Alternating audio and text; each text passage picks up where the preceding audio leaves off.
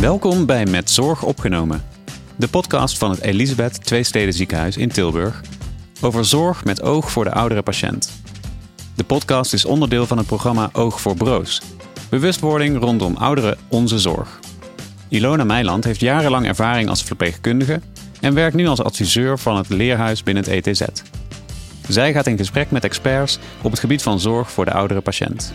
Je luistert naar aflevering 2 over atypische ziektepresentatie met geriater Marielle Mensing-Hofman. Vergeet niet om deze podcast te delen met collega's en andere geïnteresseerden. Maar voor nu, veel plezier met aflevering 2. Zien wat je niet ziet. Ik zit hier samen met Marielle Mensing-Hofman. Jij bent klinisch geriater in het uh, ETZ. En ik ben eigenlijk wel heel nieuwsgierig waarom je gekozen hebt uh, voor de geriatrie.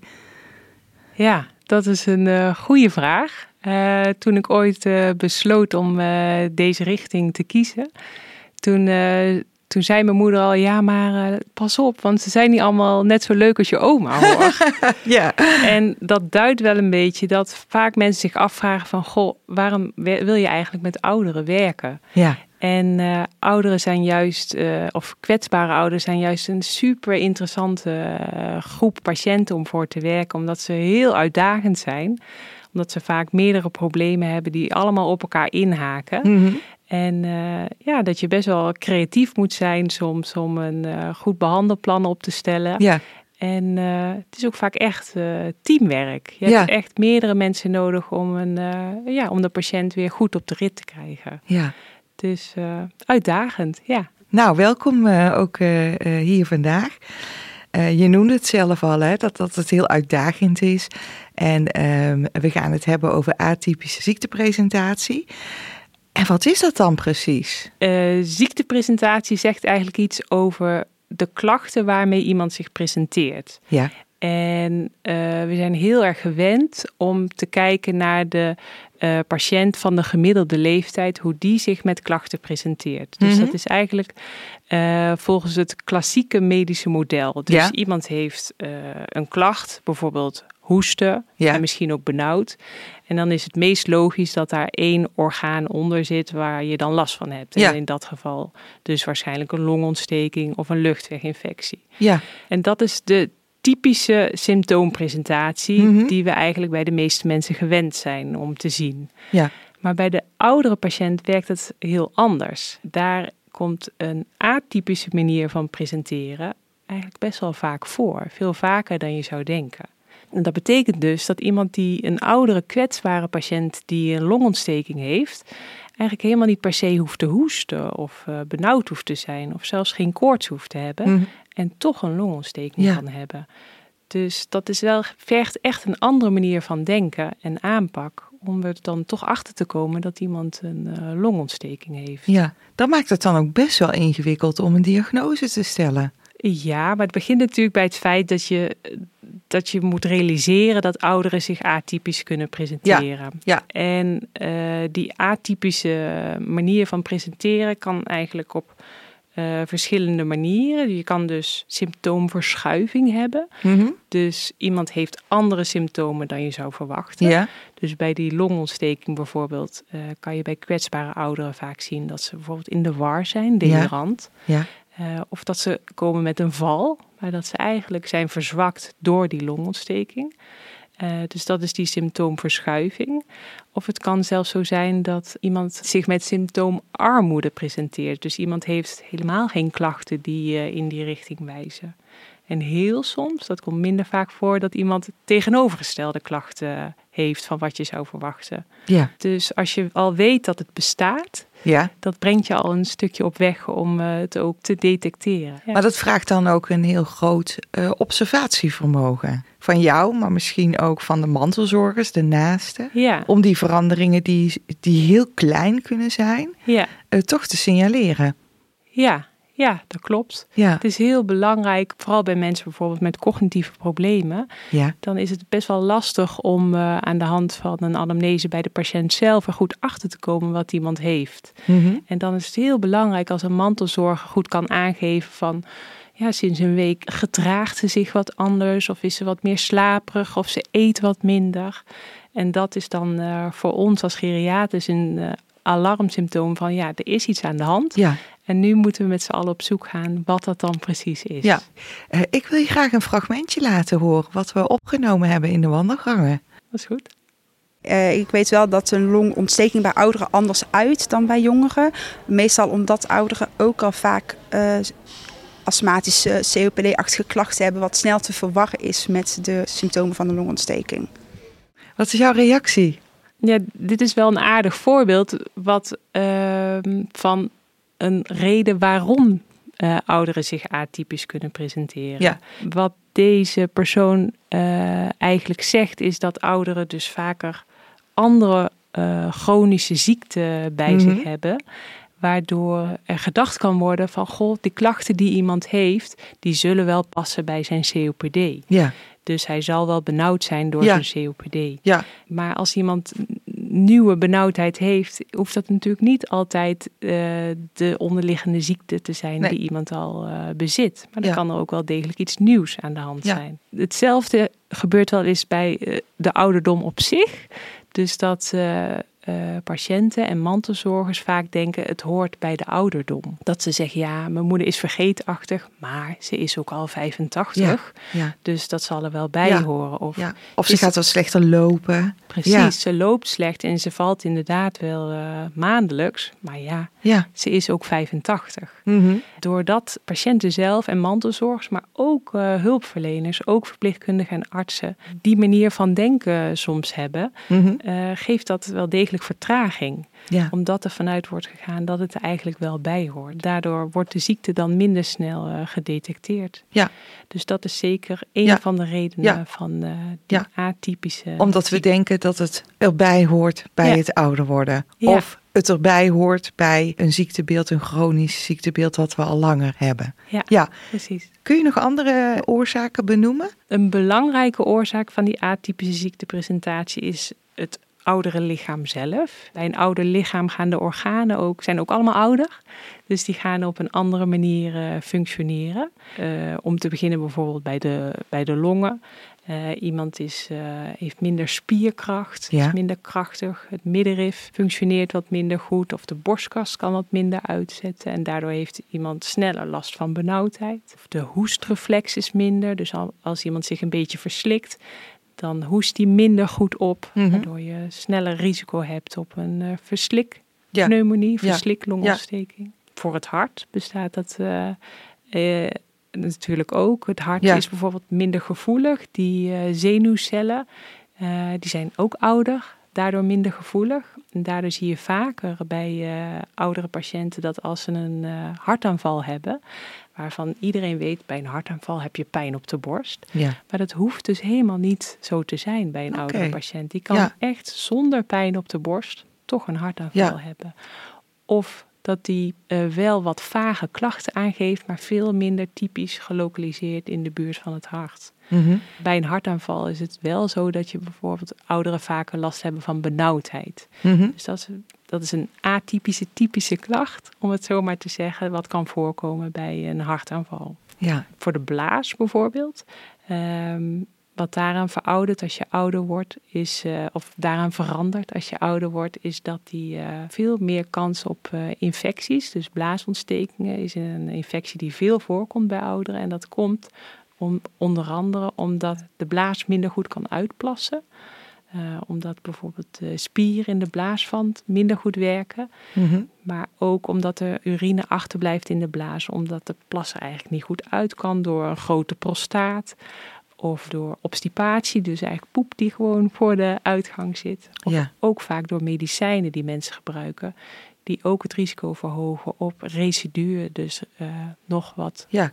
uh, mixie die achterblijft in de blaas. En Ja. dan kan je indenken dat daarin bacteriën gaan zitten. En dat je Mhm. dan meer risico hebt uh, op een blaasontsteking. Dus dat zijn eigenlijk een paar voorbeelden van organen die door veroudering anders functioneren. En Ja. dat je dus meer risico hebt op uh, problemen. Kun je eens een voorbeeld uh, noemen uit jouw praktijk van een patiënt die bij jou binnenkwam en echt atypische klachten had? Ja, eigenlijk komen we dat dus echt heel vaak tegen. Ja? Ja. Uh, je zou eigenlijk moeten zeggen, de atypische presentatie is misschien wel typisch voor de kwetsbare ouderen. ja. Ik spreek dan wel echt over de kwetsbare oudere patiënt. Ja. Ik heb zelf onderzoek gedaan een paar jaar geleden eh, op de eerste hulp. Ja. eh, eh, over, dat ging over mensen van 80 jaar en ouder. En daar keek ik naar of die zich atypisch presenteerden en wat de uitkomsten dan waren van de ziekenhuisopname. En in dat onderzoek zag je dat ruim de helft van de echt kwetsbare ouderen zich dus atypisch presenteerde. Jeetje, echt, is echt ruim de helft. Ja. Dat is echt veel. Ja, en, de, en die kwamen allemaal op de eerste hulp. En de belangrijkste atypische presentatie op de eerste hulp is vallen. Zo. Dus, en daar kan je ook iets bij indenken bij al die ouderen die hun heup breken. Ja. Ze hebben hun heup gebroken, maar vaak zitten daar wel degelijk best wel wat andere problemen onder.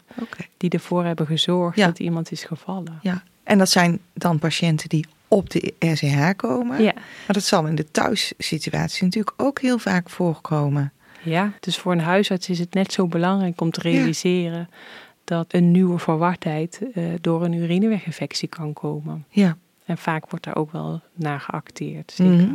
Ja.